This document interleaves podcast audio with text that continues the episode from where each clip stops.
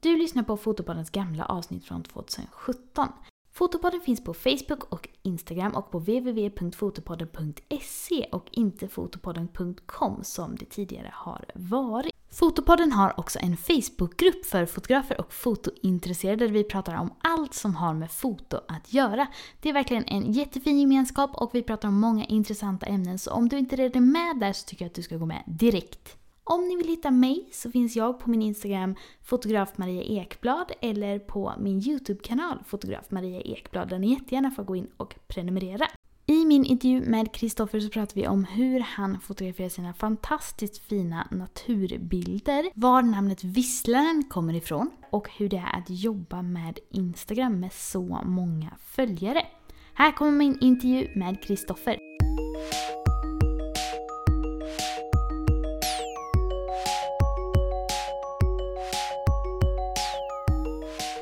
Och välkomna till ett nytt avsnitt av Fotopodden. Jag heter Maria Ekblad och jag jobbar som gravid och nyfödd fotograf i Göteborg. Och med mig här på Skype har jag Kristoffer, också känd som Visslaren. Ja, hej. Vad roligt att du är med. Kul att få vara med. Ja, vi har ju mejlat lite fram och tillbaka under en tid så det är kul att det kunde bli av. Ja, det, ibland är det ju mycket, mycket sånt där annat som kommer i vägen. Men Ja men hittar vi verkligen. en- Hittade vi en kväll och en tid där som var alldeles perfekt. Jag brukar ju ibland få lite önskemål om fotografer och sådär och du är ju en väldigt önskad gäst i den här podcasten. Det ser man. Ja, så det är Det många som är nyfikna på dig. Ja, Mm, får se om vi kan stilla något slags begär.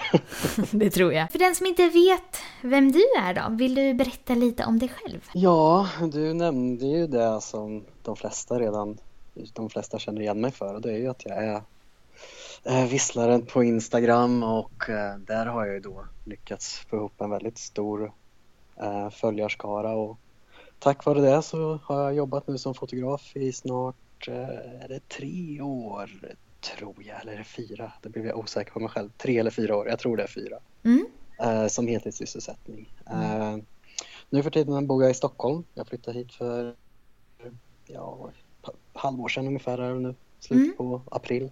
var kommer du ifrån ursprungligen? Ursprungligen kom jag från en liten stad i Värmland som heter Karlskoga. Mm. Och det var väl där- där egentligen som hela den här fotoresan på riktigt började och sådär då. Mm. Innan det blev det har blivit idag. För den som inte har eh, spanat in dina bilder, vad är det du fotar? Det är ju främst eh, natur. Mm. Sådana små svenska ögonblick som egentligen finns omkring oss mest hela tiden höll jag på att säga. Det är mycket, mycket skogar och mycket runt, runt vatten och sånt där. Mm. Eh, men det händer allt att jag, att jag fotar i städer och sånt också men det är väl främst, främst natur som jag tycker är eh, intressantast och finast sådär och Mm. tycker om att fota och befinna mig. Ja, du, otroligt vackra bilder. Tack. Mm, Och, försöker i alla fall. och värt att nämna, för jag tycker det är spännande. Du, sist jag kollade så har du ju 1,3 miljoner följare på Instagram. Stämmer ja, det? och det är där det ligger. Ja, det stämmer alldeles utmärkt. Det är ju helt galet många människor. Tänk om alla de hade stått i en samling. Ja, då hade man behövt haft ett stort, en stor, stort torg för att få plats med det. Precis, och skrikit heja Kristoffer. Det hade varit ganska surrealistiskt. Det är lite skönt att det inte kommer inträffa sen. Men om vi backar bandet och börjar från början. Du sa i Värmlands skogar hände det fotomagi. Om man vill backa bandet egentligen till var det började och varför det började så får man nog backa ända till 2010 för det är inte så att jag har fotat hela mitt liv och var intresserad av foto utan det har kommit nu på, jag säger senare år, jag är 33 nu men att jag var väl 26-27 någonting när jag började och det väl, kan väl anses sent på ett sätt men ehm, då hade vi en, eh, en hemsk grej i vår familj där min lillebror var med i en allvarlig trafikolycka. Ehm, så, och det slutade med att eh, vi fick åka till Uppsala och han hade då flera blödningar i hjärnan och allting och sånt där. Och Mm. Man ska veta att allt gick bra så här med facit i hand. Men på något sätt när man är med om en sån där sak så, så saker och ting drivs ju till sin spets liksom. Ja, Man, börjar omvärdera livet liksom högt och lågt. Mm. Ehm, och, så där, och så var det för mig med och det här fick mig verkligen öppna ögonen för sånt som jag kanske tidigare tagit för givet. Alltså, ja, men enkla saker som man kan tycka som soluppgångar och solnedgångar och fina miljöer och fina sådana små ögonblick i vardagen mellan äh, kärleksfulla par eller bara två främlingar liksom som utbyter någon slags fint möte. Alltså sådana små detaljer liksom som jag inte sett för eller inte riktigt lagt märke till för blev väldigt närvarande och gjorde ett eller det, det blev en liksom slags personlighetsförändring och en uppskattning av de små sakerna och eh, som jag sa där att man fick en en värdering av vad som är viktigt och sånt där som man, för, eller som man väldigt lätt tar för givet med hälsa eller att vänner och familj mår bra eller bara relationerna liksom mellan Mm. en, sig själv och sina närmsta personer. Mm. Och där levde jag ju med liksom ett tag under hans rehabiliteringsprocess och det var väl inget konstigt i sig utan man blev ju väldigt tajt så inom familjen på ett sätt som vi aldrig hade varit förr och även med, med vänner och sen ett år efter olyckan så, så gjorde vi ett välgörenhetsprojekt i Thailand jag och några kompisar Mm. där vi eh, skulle dra in pengar till förmån för ett barnhem som grundades efter tsunamikatastrofen. Mhm, mm. Och vi skulle göra ett projekt där vi gick. Så att vi skulle gå från, från Bangkok ända ner till Phuket. Så det är en sträcka på ungefär 90 mil och vi försökte få med både företag och privatpersoner att sponsra oss med valfri summa per kilometer för att göra det lite komplicerat. Men Mm. eftersom vi skulle gå 90 kilometer, eller 90 900 kilometer, så om du ville sponsra med en krona per kilometer så blev det 900 spänn liksom. Mm. Men du kunde ju också sponsra med 10 öre om du ville så att det blev, ja men du vet. Mm. Men det här skulle ta oss en två månader, det vi planerat och då behövde vi ju ha lite fotande och lite skrivande som vi behövde ha en, en, en blogg och en, en Facebook-sida för att visa folk hemifrån vad vi höll på med och hur det gick och allting sånt. Mm. Och där började jag fota lite grann Mhm, mm.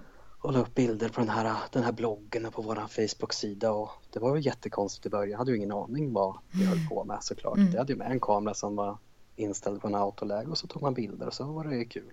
Mm. Och sådär och vi fick liksom mycket ja, positiv respons på projektet som sådant. Vi tror vi drog in närmare en kvarts miljon kronor som gick oavkortat till det här barnhemmet. Mhm, mm.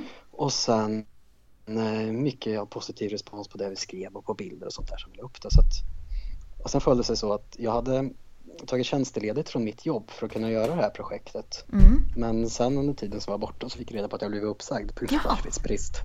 Så när jag kom hem till Sverige igen en tid efteråt så, så var jag arbetslös. Och då, Okej. ja, då var det lite så här, jaha, vad ska jag göra nu om dagarna? Man kollade väl på serier och film och sånt där som man, som man gör. Men det, har, det är ju kul en viss tid. Och sen var det så här, jaha, man måste hitta på någonting. Liksom. Man sökte väl jobb. Men sen kom på att jag tyckte ändå att det var kul att fota i Thailand. Ja. Och började fota lite i närområdet hemma i Karlskoga då. Mhm, mm. La ut bilder på Facebook där och det var kul men så kände jag att jag höll på att bli killen som la ut för mycket bilder på Facebook. Mm. Det finns ju sådana och jag vill inte bli någon som man störde sig på. Då tipsade några mig om Instagram. Mhm, mm. Och i början på 2012 så jag tror jag började där i mars ungefär det året 2012 att lägga upp bilder och blev jättesnabbt eh, hooked på hela den grejen. Mm. Med det communityt och titta runt på vad andra människor la upp och sådär. Och, och det gick, så att säga. Det, det är lätt så här retro, retroperspektiv att säga att allting gick fort men det gick ändå ganska snabbt att börja få lite följare för att på den tiden var det ganska ska jag säga, det, det fanns ju inte många som, som nischade sig mot att försöka lägga upp ja, men, naturbilder och, och sånt utan men det var väl ganska mycket som det är för de flesta idag, mycket privata liksom Mm. familjebilder och allt vad det är så att när man var en sån som nischade ut från det då blev det ganska snabbt att folk, ja men det var ju kul med någon som lägger upp fina bilder ungefär. Mm. Så det var lätt att, att eller lätt sent att säga, men lättare i alla fall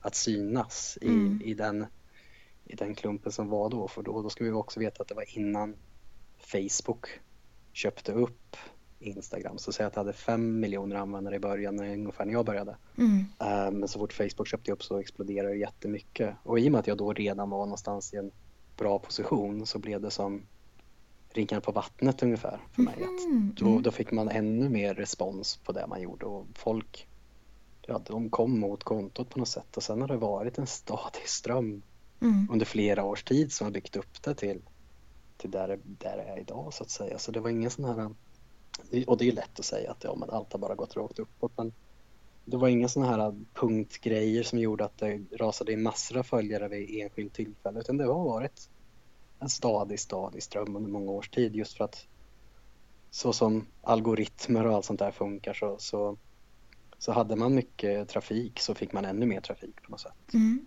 Ja, gud vad spännande. Men Ja, fotar du med systemkameror då?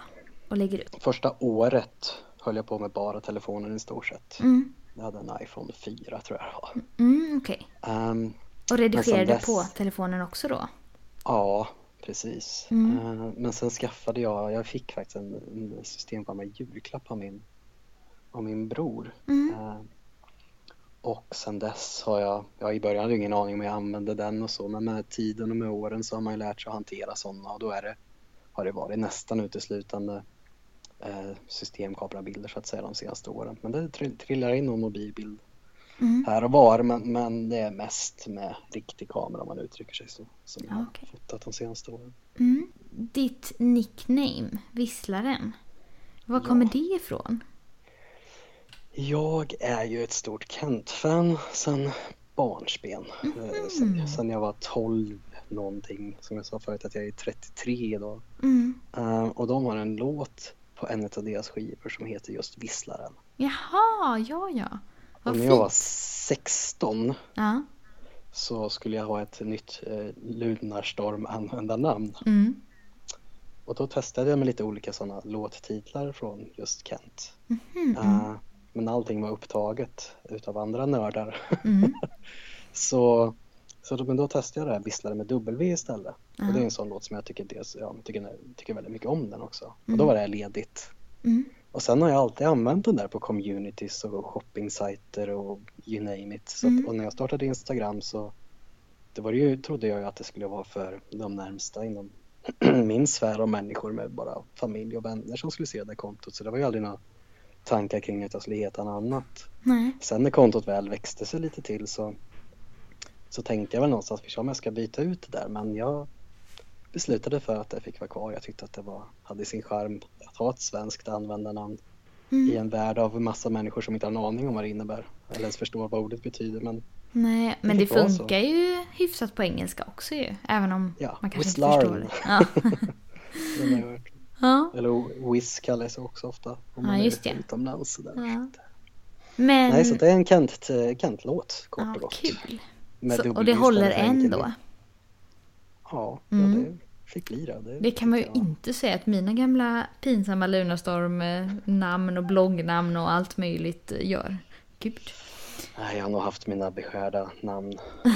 Ja. Eller konstiga namn också. Så att, eh, Ja, ja. Nej, herregud. men den, den fick hänga med. Vad tjänar du pengar på? Jag tjänar ju pengar dels på att resa och det kan ju låta motsägelsefullt Mhm, men, mm. men jag får ju ofta betalt av eh, allt från till exempel flygbolag eller till rena turistdestinationer utomlands Mm.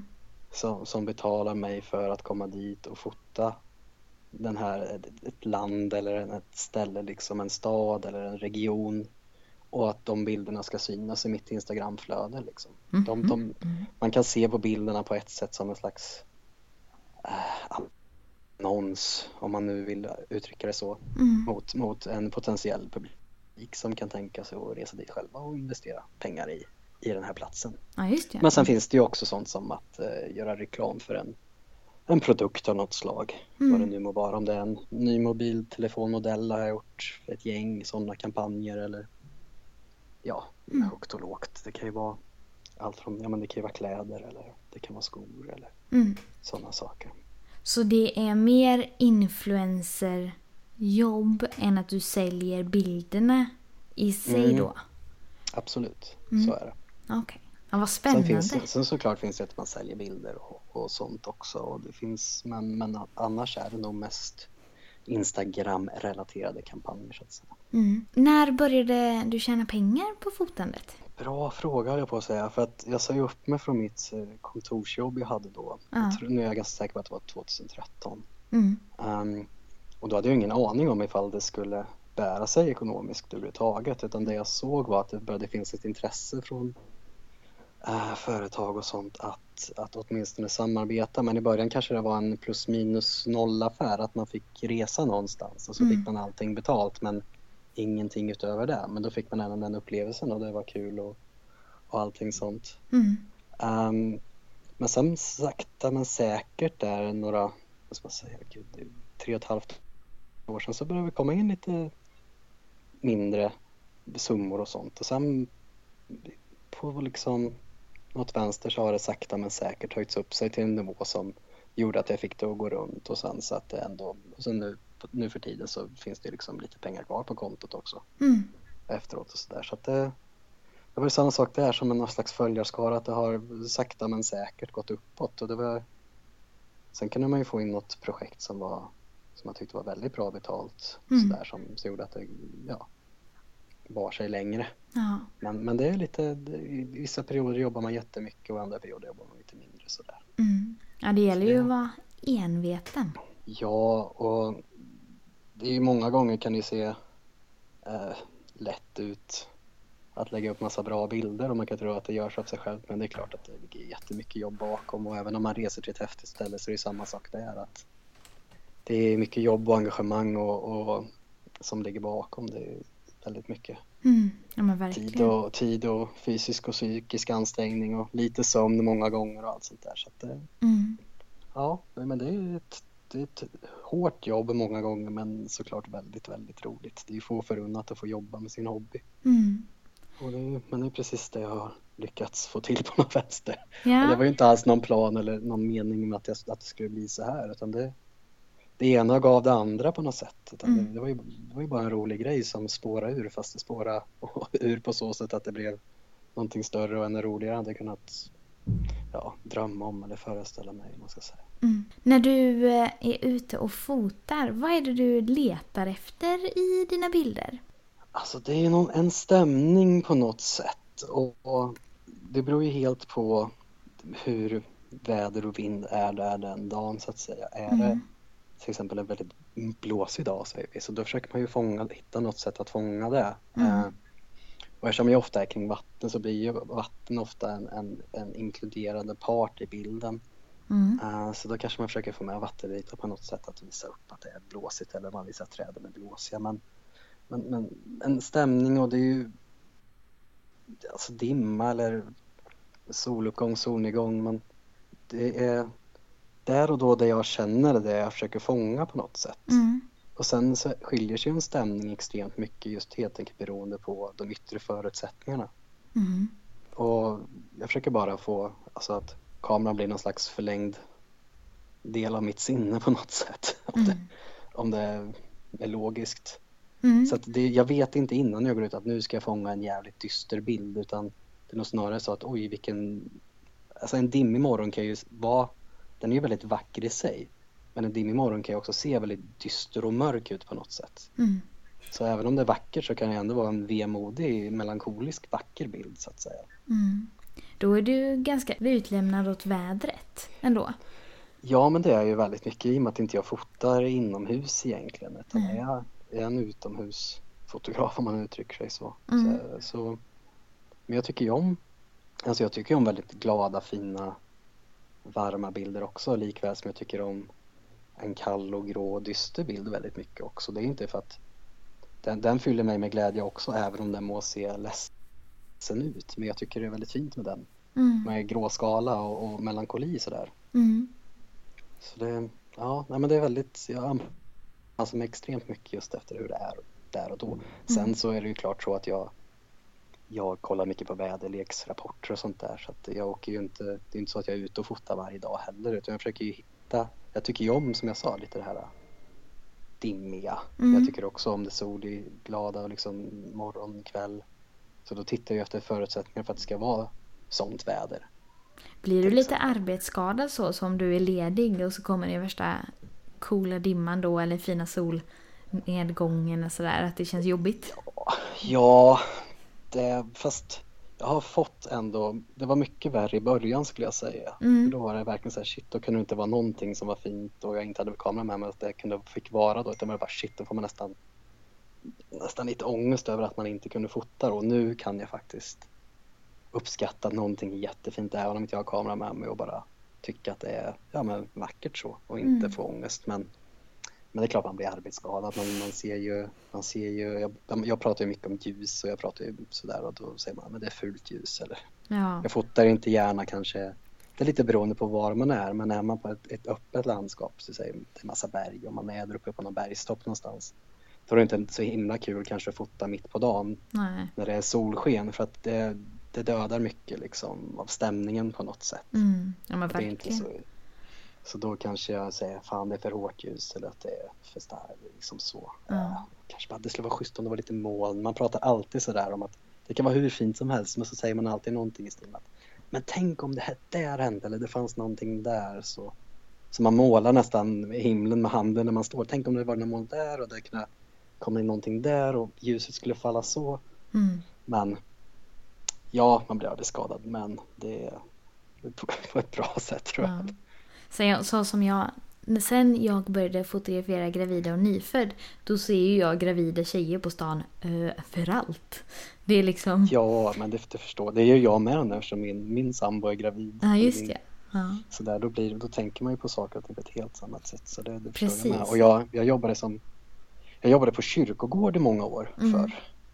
Och då, kan jag, då klippte jag extremt mycket gräs bland annat. Så Mm. jag är ju fortfarande där jag ser att om någon har klippt sin gräsmatta men inte trimmat runt kanterna så kan jag bli förbannad. För det är så här, du har bara gjort halva jobbet och det är en sån typisk arbetsskada som Mm. liksom ligger kvar där. Och, ja. Hur mycket redigerar du dina bilder? Ganska lite skulle jag vilja säga och det är ingenting som tar eh, Dels gör jag lite med bilden som sådan att jag, den brukar inte skilja sig överdrivet mycket från originalfilen så.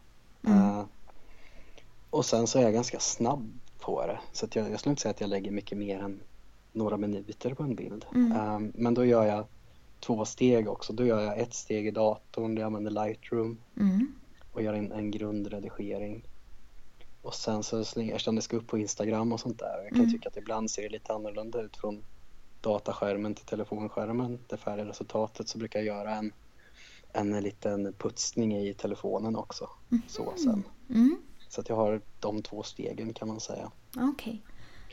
Så, men det är inte, alltså Visst det händer klart att man, händer, man har bilder som man liksom inte får till och det tar lite längre tid men, men rent generellt så går det ganska snabbt och många gånger när man har fotat om man var ute morgon så är många bilder kanske väldigt lika, lika varandra och då kan man ju på något sätt kopiera inställningarna man hade och bara föra över på flera bilder så Mm. att eh, man inte behöver göra dem en för en så att säga. Men, Men jag använder inga sådana här presets och sånt som många gör utan jag kör alltid en bild från Ja. grunden och sen rattar i den så tills jag är nöjd på något sätt. Ja, okej.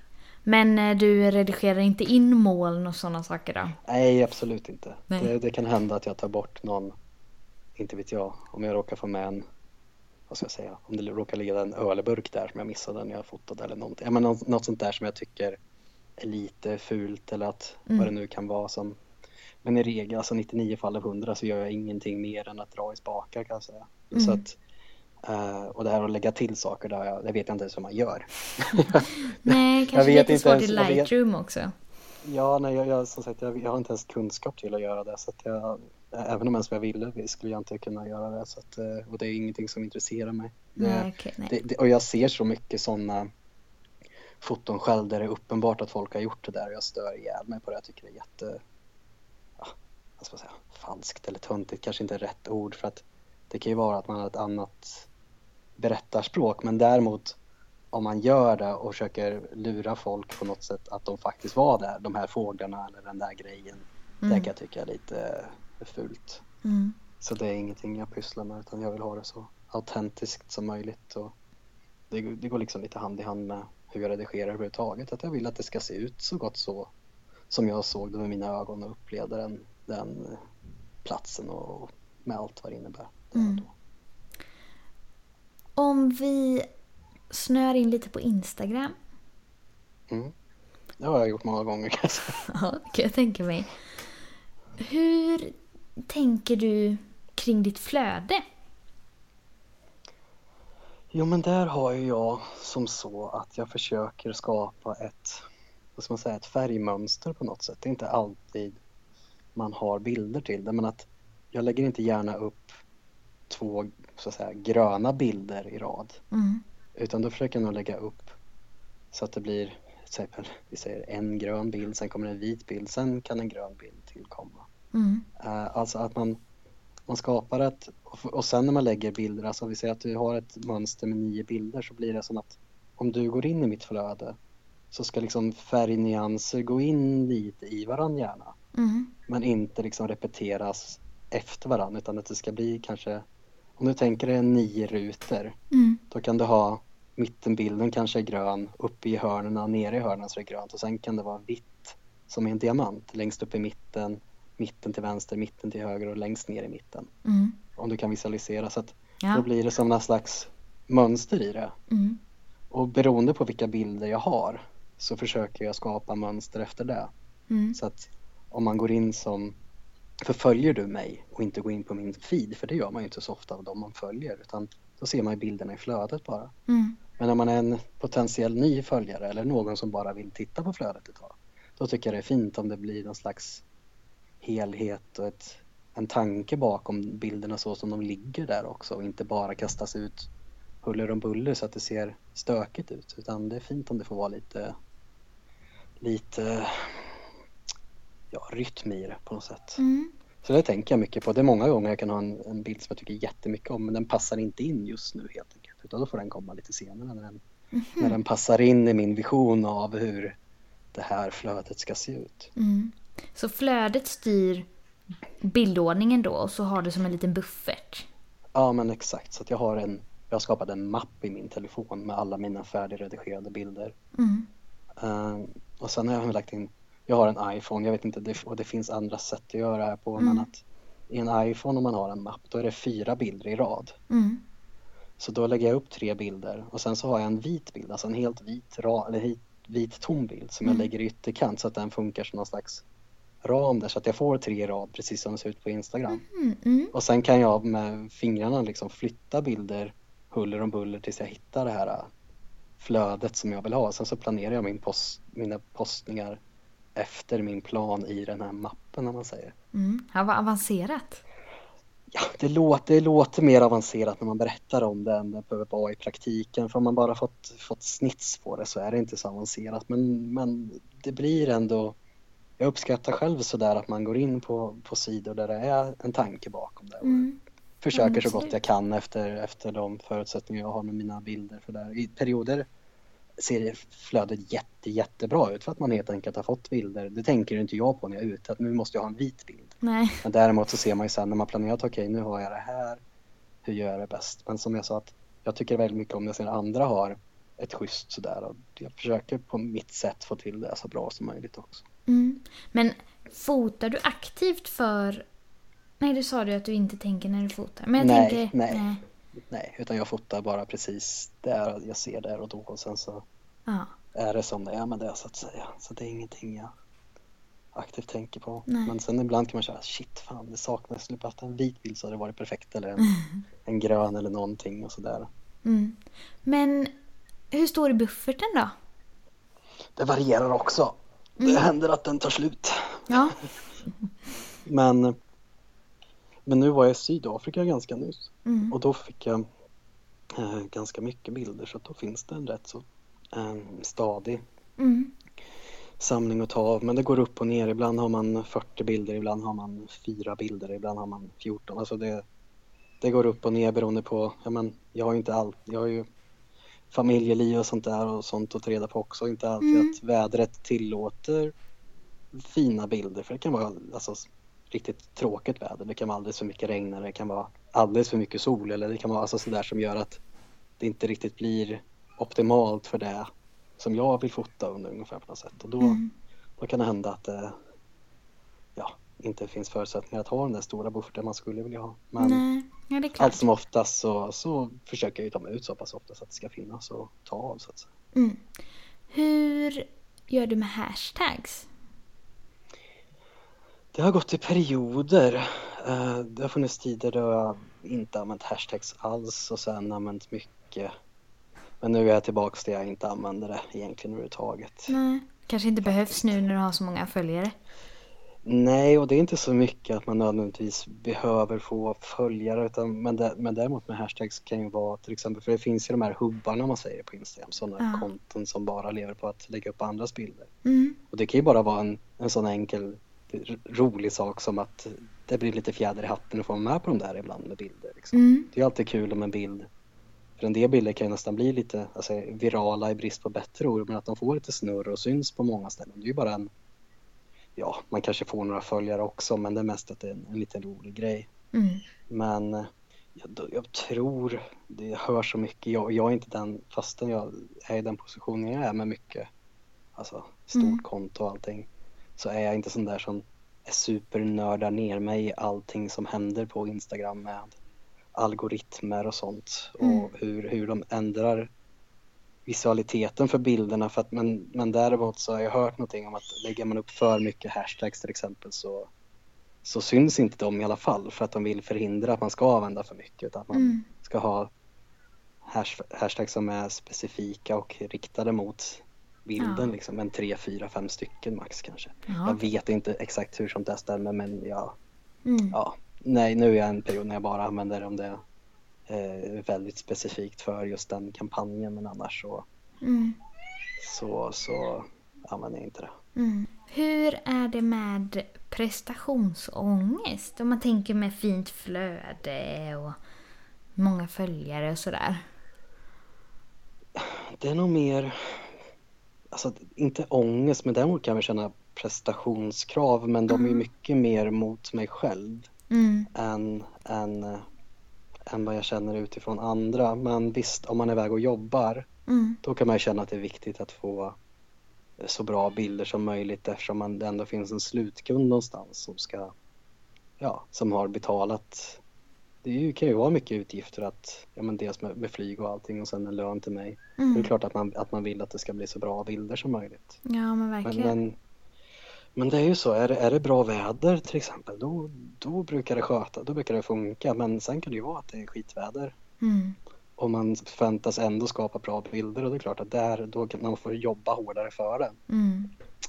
Men bortsett från det så har jag på något sätt lärt mig att det, det här är ändå mitt konto, mina regler för hur en bild ska vara och jag bestämmer precis vilken bild som ska läggas upp och så största kraven har jag nog på mig själv. Mm. Alltså jag vet att bilder, det finns bilder jag tycker om jättemycket som absolut inte kommer få så mycket trafik bara för att det är en, en inte lika iögonfallande bild som det kanske var för bilder jag la upp för tre dagar sedan som fick dubbelt så mycket likes liksom. Mm. Men, men där är jag inte riktigt, jag är inte så himla bekymrad över att en ena bilden fick mer trafik än den andra utan det är, så här, det är mer en fråga om att visa upp min vision av vad som är vackert och fint och försöka att inte repetera repetera sig för mycket med liknande bilder hela tiden utan visa upp en mångsidighet och en, ett, så att inte du som följare nästan vet vad min nästa bild blir utan mm. att det alltid finns en, ett, ett, vad ska jag säga, ett, en möjlighet att bli överraskad. Mm. Ja, vad fint. Så, så det, det, är, det är mycket tanke och sånt där bakom kontot så som jag inte nödvändigtvis tänker på men som ändå finns där. Mm. Uh, hela tiden man, man vill förnya sig och hö, höja någon slags lägstanivå. Mm. Hur ofta lägger du upp? Um, ja, hur ofta lägger jag upp det? Nu för tiden så är det nog typ en bild om dagen men man kan väl säga fem, sex bilder i veckan ungefär. Mm. Och det är lite det, det är det här man, om man vill höja någon slags lägsta nivå då är det ju mycket som filtreras bort på något sätt. Mm. Man kan ju ta tio bilder av en scen där alla tio kan vara fint också men att då vill man inte lägga upp typ samma bild flera gånger heller för det, då, utan då väljer man ut en. Mm. Och ja, rent allmänt sådär att försöka hålla, om man vill hålla upp den här nivån då, då är det omöjligt, i alla fall för mig, omöjligt att hitta så mycket bilder så man har någonting att lägga upp varje dag. Mm. Utan då, då är det, då försöker man hitta en, en lagom sådär nivå. Mm. Så. Ehm, men i perioder, visst, i perioder kan man ha jättemycket bilder med, men jag försöker hålla det runt, en bild om dagen. Mm. Eh, säga. Jag tänkte, har du några allmänna Instagram-tips till den som vill eh, växa Alltså- sin Instagram? Allmän, man tror, innan man börjar tänka allmänna, fot, all, allmänna Instagram-tips så börjar man nog nästan tänka lite allmänna fototips Mm. sådär. Ja, men kör det då. Och, och då är det lite, ja men det är lite sån här, det är lite så som jag jobbar nu, kvalitet över kvantitet på något sätt. Mm. Och att inte lägga upp alla bilder man tar, att inte och att sondra liksom i de bilderna man tar och att fota jättemycket, ta mycket. För att ta bra bilder så måste man någonstans börja med att ta dåliga bilder liksom. Mm. Ehm, Men ganska mycket kill your darlings då. Ja, på ett sätt. Alltså, det, det där är, det är all, alltid en svår fråga det där tycker jag. Um, allmänna Instagram-tips, allmänna fototips. Alltså, som jag sa, jag tycker ändå rätt så schysst om man varierar bilderna Mm. man lägger upp. Man lägger inte upp det, det för, man ska försöka hitta något överraskningsmoment i bilden man visar upp. Att, att det inte liksom är 14 solnedgångar i rad, även om det är jät- 14 jättefina solnedgångsbilder. Mm. Och att även överhuvudtaget utmana sig och inte, inte bara fota eh, samma saker enkelt. Att testa nya grejer, testa nya vinklar på det man gör. Och, Mm. Och ta sig runt, ta sig ut, cykla runt eller åka iväg med bilen eller ta en promenad någonstans eh, där man kanske inte brukar vara. Det, fan, det är svårt. Ja, jag tycker det är bra. Ja, men jag, tyck, jag tycker själv det är svårt för att det är så här, som jag har gjort, alltså jag har ju när allt det här började för mig så, alltså jag har suttit på min cykel Mm. hundratals mil Mm. och bara åkt in på grusvägar och till höger och vänster och försökt hitta saker att fota, små saker, stora saker och sen när man försökt hitta ett intressant mönster i det här och, och lägga ut i flödet och att, ja, Mm. fan, och just det där du frågade också hur man får kontot att växa. Mm. Där är en slags, det, det, det är inte lika lätt idag som Nej. det var när jag gjorde det. För jag menar, om jag började när det fanns 5, 6, 7 miljoner användare, vilket fortfarande är väldigt mycket, Mm. men det är ändå fortfarande bara en procent av de här 700 miljonerna som finns idag. Åh herregud, ja. Så att det, det säger sig självt att med en så, så stor tillströmning så finns det också väldigt, väldigt många duktiga fotografer där, så att det är ju inte lika lätt att synas. Nej. Men, men när man hittar sin grej och ett, ett, en stil på något sätt som man tycker om så ska man köra på det och så, så tycker inte jag att man ska förlora sig i den här världen där allt är en, en jakt på följare och likes och sånt där. Det, det är Mm. jättekul såklart men att någonstans måste man börja den andra änden och att försöka ta bra bilder och att tycka att det är kul och, och Mm. inte och se foto i sig som, som det roliga och ett Instagram bara som ett verktyg att dela med sig av det. Och sen när man får följare, då är det såklart jättekul. Men att, att aktivt gå in med Instagram, nu ska jag få ännu fler följare. Det, det är svårt om man inte har material nog att förtjäna de följarna på något sätt. Det krävs helt enkelt att man har tillräckligt bra eller spännande bilder för annars så, så fallerar det på det i alla fall. Det spelar ingen roll om du är superaktiv om dina bilder är dåliga. Det spelar ingen roll om du är inne och kommenterar på alla andras bilder Mm. för att försöka locka till folk och komma till din sida så kommer man till din sida och så är det inte så bra kvalitet helt enkelt. Mm.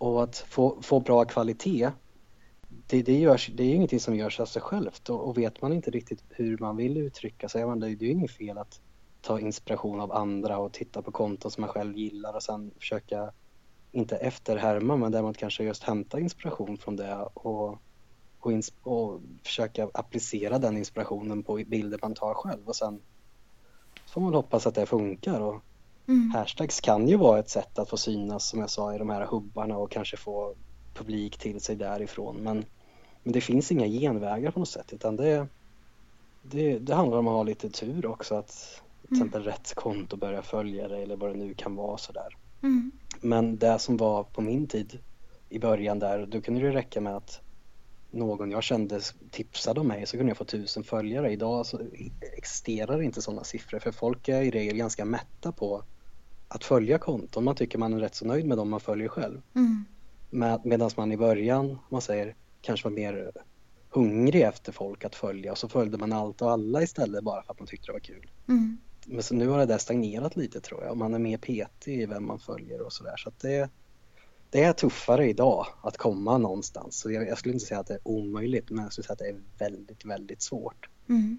Men med jättebra kvalitet och allt sånt där, då är ju allting möjligt. Men det, det tar ju sin tid att komma upp i kvalitet också. Det, Mm. det, och det finns sådana som jag följer själv som har fantastiska bilder men som kontot, det, det händer inte så mycket med det. Liksom. Utan det står still på en stadig siffra även om bilderna är jättefina. Men det är för att det inte är så lätt att nå ut. Jag har eh, en Facebookgrupp för Fotopodden och där har jag lagt ut att vi skulle spela in idag för Mhm. jag har fått in lite lyssnarfrågor. Oj, oj, oj. Mm. Spännande. Ja, och då har jag valt ut en från Sara. Och hon undrar hur många bilder tar du på en scen eller en plats innan du känner dig nöjd?